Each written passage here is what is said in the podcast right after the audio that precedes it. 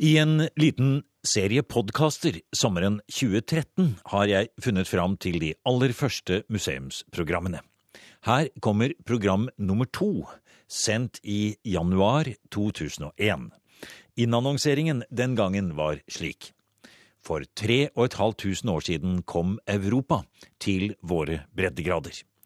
Da kom bronsealderen, og for den saks skyld de første jappene. En Mercedes 600 i dag og en bronsedolk den gangen. Samme sak, sier arkeologen og forfatteren Øystein Kokk Johansen. Han har nettopp skrevet boka Bronse og makt, og er gjest i dagens museum. En reise tilbake i tid, til en magisk epoke i vår historie. Til den første storhetstid som kanskje var like gloriøs som vikingtiden. Hvordan skal vi forstå norsk bronsealder? Vi skal la en tidligere trailersjåfør og sjømann, som har studert ved både Det teologiske og historiske fakultet, vise veien. En mann som kanskje er mest kjent som Thor Heyerdahls tidligere ekspedisjonsleder, direktør for Norges vitenskapsakademi, leder for Kon-Tiki-museet og mange, mange andre ting. Jeg er en urolig sjel, sier Øystein Kokk Johansen, som nettopp har gitt ut et praktverk om norsk bronsealder, boka Bronse og makt. Inspirert av en annen Johansen-arkeolog, Øysteins far, doktor Filos Erling Johansen, klatrer vi opp en liten fjellside på Kjøkøya ved Hvaler i Østfold. Utsikten er fantastisk utover skipsleia i Oslofjorden, med beskyttende holmer og trange sund. Det skal ikke mye fantasi til for å se bronsealderlandskapet stige fram. Her er en ideell plass for å gravlegge en høvding.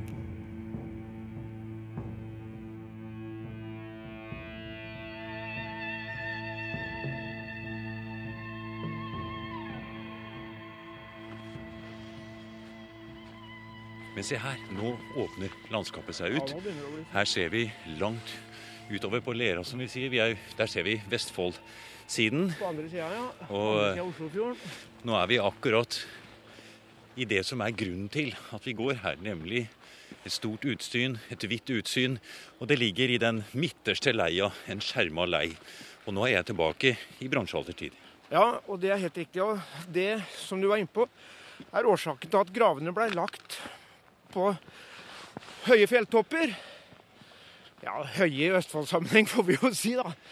Er at eh, der skulle de ligge eh, både, vi kan si både for å bli sett og se. Den døde skulle symbolsk sikkert si utover dette landskapet. Og som du ser når vi kommer opp ut av skauen og opp på høyden her, så som du sa, nå se, begynner vi å se store deler av Hvaler-arkipelaget ligge utover, og Vestfold på den andre sida.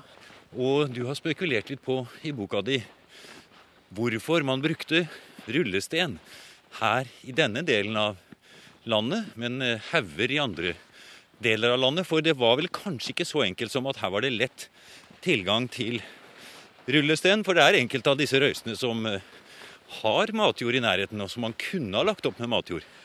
Når jeg eh, for mange år siden tok magistergraden på Universitetet i Oslo om bronsealder, så trodde jeg liksom at det var jord som ga grunnlag for eh, gravhauger, og at det var stor tilgang på rullesten som, ga, eh, som gjorde at de bygde gravrøyser. Men jeg har skifta mening.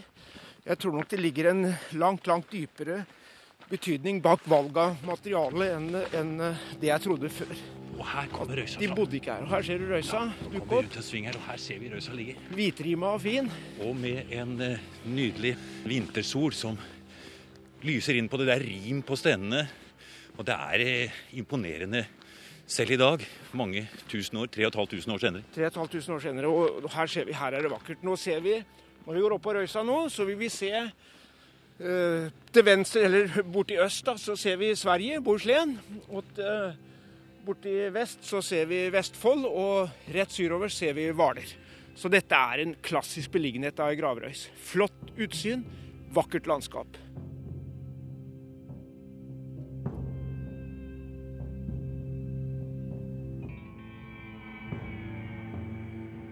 Her ser du, her har det noen som i Her er vi på toppen av røysa.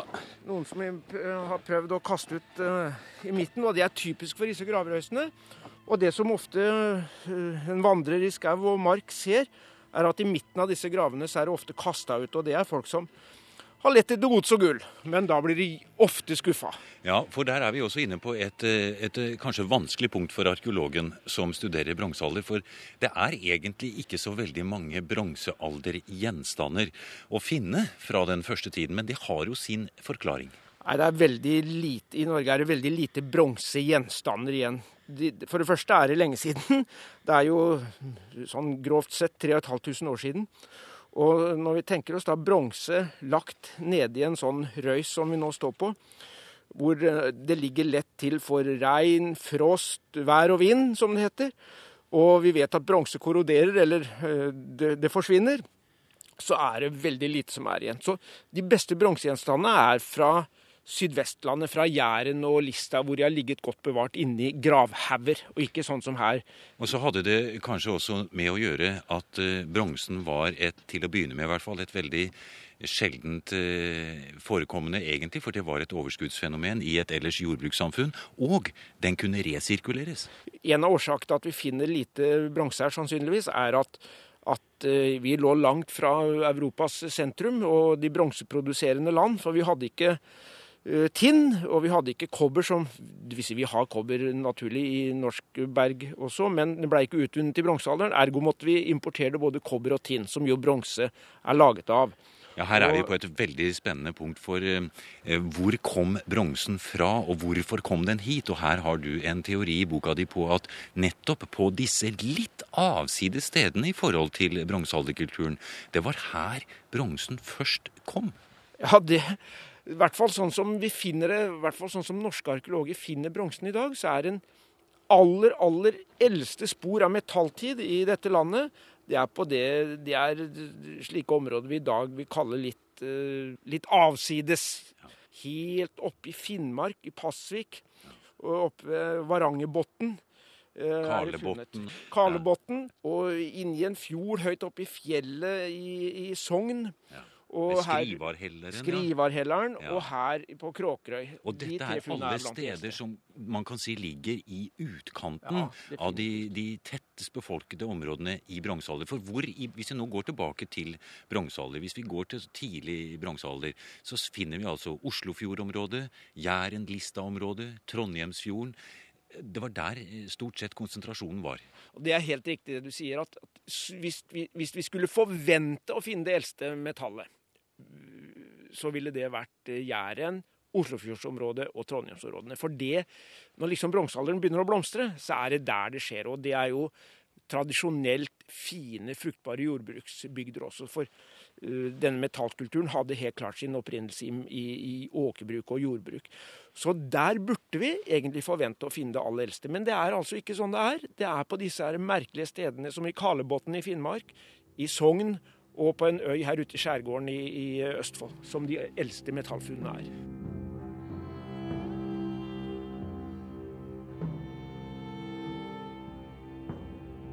Og her hvor vi står nå, på den, toppen av denne flotte gravrøysa og ser sola komme inn Det er, nå, det er altså. helt fantastisk å se her. Så nettopp her kan man jo vente og tenke Vi kan tenke oss at nettopp en sånn opplevelse som dette må jo kanskje bronsealderfolk ha hatt. Og vi står nå og blir faktisk eh, berørt av den fantastiske utsikten, det fantastiske, mektige landskapet. Og sånn må det jo ha vært den gangen også. Ja, altså man blir litt andektig når man står på en sånn røys som dette og ser på landskapet. Og ikke minst i en sånn dag som i dag, hvor sola vitterlig skinner fra blå himmel. Og vi ser øyer, landskap, vi ser Sverige som sagt, og vi ser Vestfold i ett og samme blikk.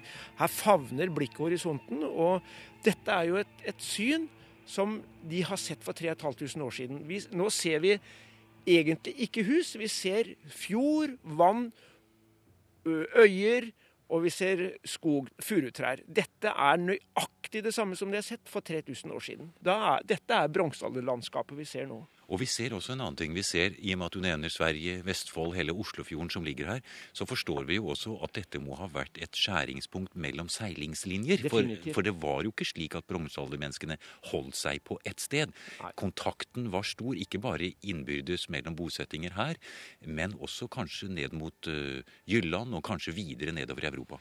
Ja, her, her hvor vi står nå på Kjøkøya, hvis vi tenker oss um også, som du sa, her har vi Sverige, som ikke var Sverige den gang, og Vestfold, som ikke var Vestfold den gang.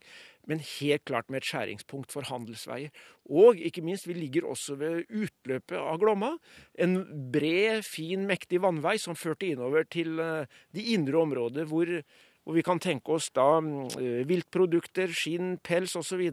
Komme fra innlandet, komme hit ned og videresendes da til f.eks. Jylland, hvor forskjellige dyreslag for lengst var Eh, forsvunnet, utryddet. Og eh, hvor eh, disse skinn- og pelsproduktene kan ha vært godt byttemiddel for å få bronse tilbake. Og Dette er også et av poengene i boka di, nemlig at du tror ikke noe på denne såkalte kulturdualismen. Altså at det var bronsealderkulturer enkelte steder, mens andre steder var det ikke det. Det må du utdype litt. Ja, altså det er også et, et punkt jeg har forandra mening på. For som sagt, når jeg for 25 år siden tok magistergraden min, så trodde jeg på en kulturdualisme. altså Det betyr at jeg trodde det var bronsealder i ordets rette forstand, metallbrukende mennesker, bare i enkelte få områder av landet. Det har jeg forandra mening på. Jeg tror det var en, en reell bronsealder eh, over størstedelen av landet. Selv oppe i høyfjellet, og når er det funnet bronsesaker, og når jeg finner bronsesaker langt nordover i Finnmark og Troms, så tror jeg dette har vært et, en metallkultur som stort sett har favnet det meste av landet. Og den var godt organisert? Ja, den var godt organisert fordi vi ser da uh, tydelige indikasjoner på at noen mennesker har hevet seg opp til å få en, uh, skal vi si, en finere status enn uh, vanlig menigmann. De har fått store gravminner mektige gravminner. Størrelse viser jo ofte makt. Eh, de har eh, blitt gravlagt med gull og bronse, for gull har også kommet eh, på denne tiden. Så helt klart ser vi et såkalt stratifisert eller pyramidalt samfunn i bronsealderen. Jeg tror ikke våpnene som sådan var noe så voldsomt reelle våpen. Stenklubbe har like stor effekt som en eh, bronsedolk eller sånn.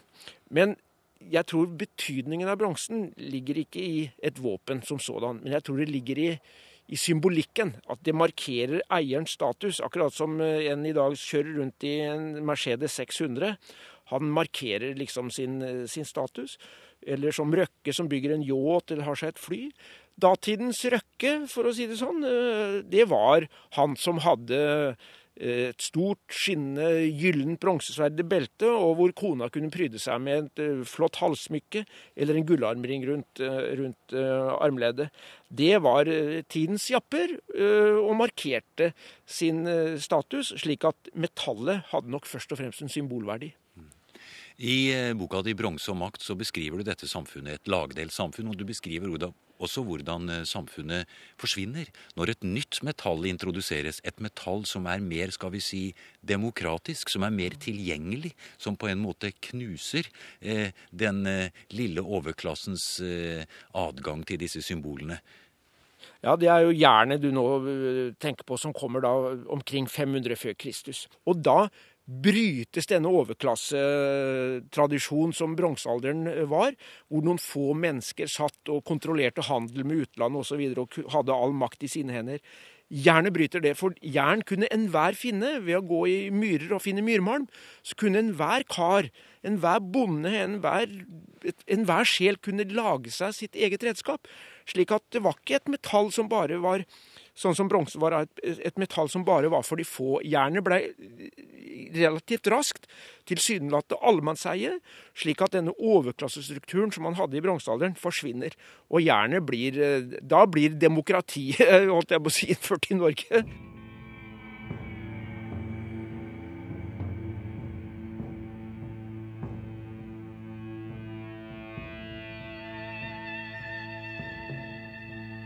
Jeg føler meg overbevist om at, at bronsealderens helleristninger har en bakgrunn innenfor religion.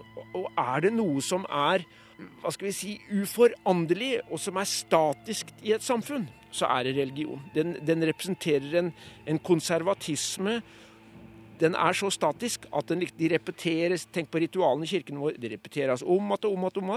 Og det samme ser vi på bronsealderristningene. Motivene går igjen om og om og om, om igjen. Det er det repeterende som ofte konstituerer religion. Men tror du det var direkte kontakt mellom de i bronsealder som bodde i Alta, Finnmark, i Midt-Norge og her syd? Hadde de kontakt med hverandre?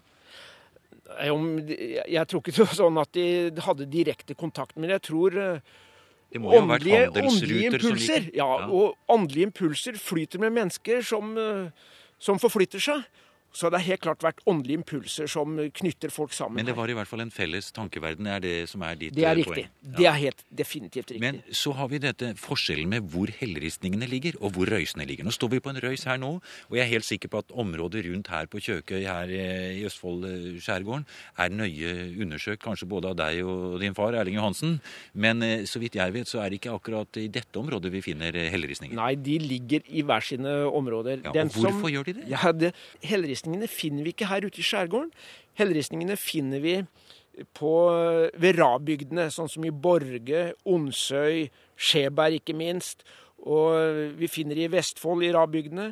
Vi finner helleristninger i jordbruksområdene på Lista og Jæren, og i trøndelagsområdene. Der finner vi de sentrale bronsealders helleristningene, og det var også de sentrale bosetningsområdene i bronsealderen.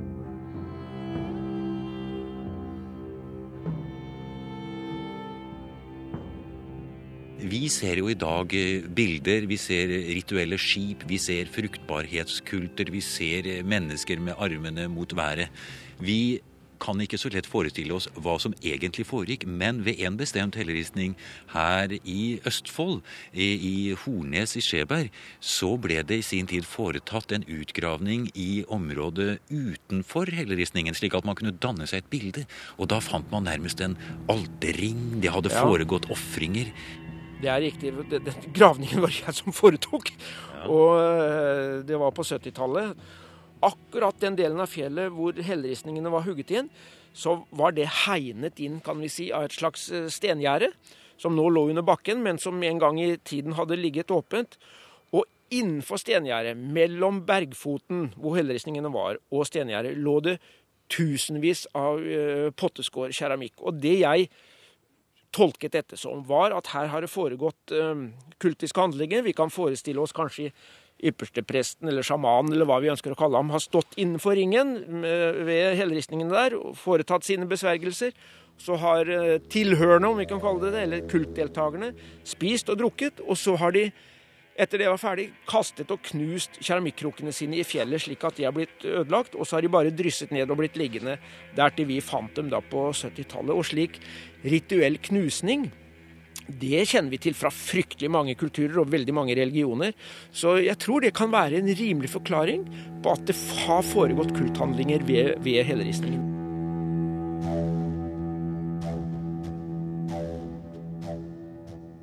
Dette gamle skal vi si, vedtatte sannheten i gåseøynene. At, at helleristninger lå i åkerlandskap, det viser seg ikke å være riktig. For de ligger på, ved disse lerslettene her i Østfold. Og denne lera den, har, den er for stiv og hard til at en gammel, eller ikke gammel, men datidens primitive treal klarte å komme ned. For å dyrke lerslettene her i Østfold, utenfor A, så må det stålplog til, eller jernplog. Så det det har vært, kan ha vært beitemark der ikke vannet sto, pluss at de kan ha bodd eh, til, til en viss grad ute på leslettene. Men det har i hvert fall ikke vært åkerbruk på de slettene vi ser i dag.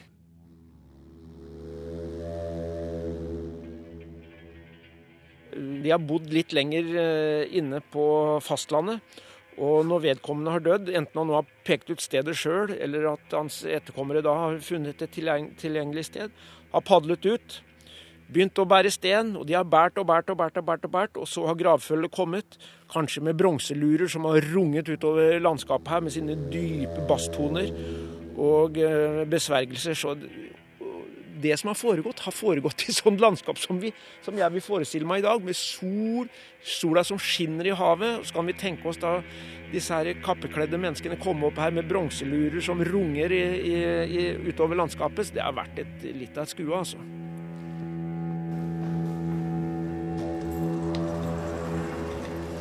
Du har nå hørt en podkast av programmet Museum fra NRK P2.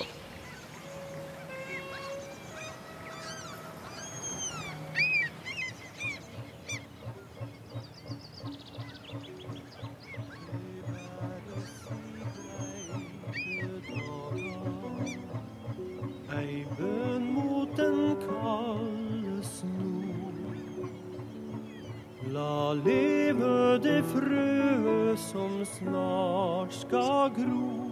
Kom sommervind, og kom sommervind. Kom sommervind.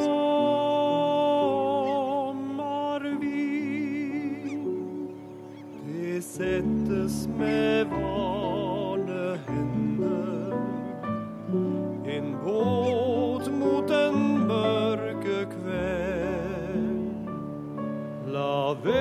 vekse mi von over hav og fjell. Kom sommervind,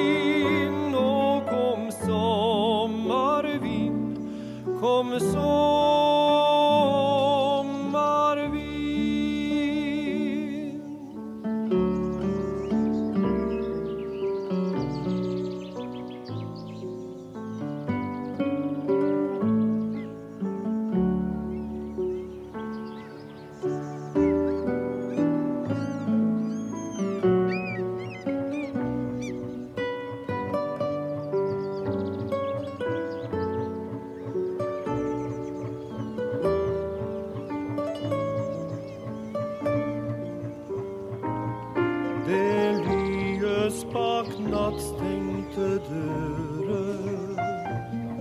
Og vinteren han går og går. La høre seg visa der frosten rår. Kom sommervind, nå kom sommervind. Kom sommervind,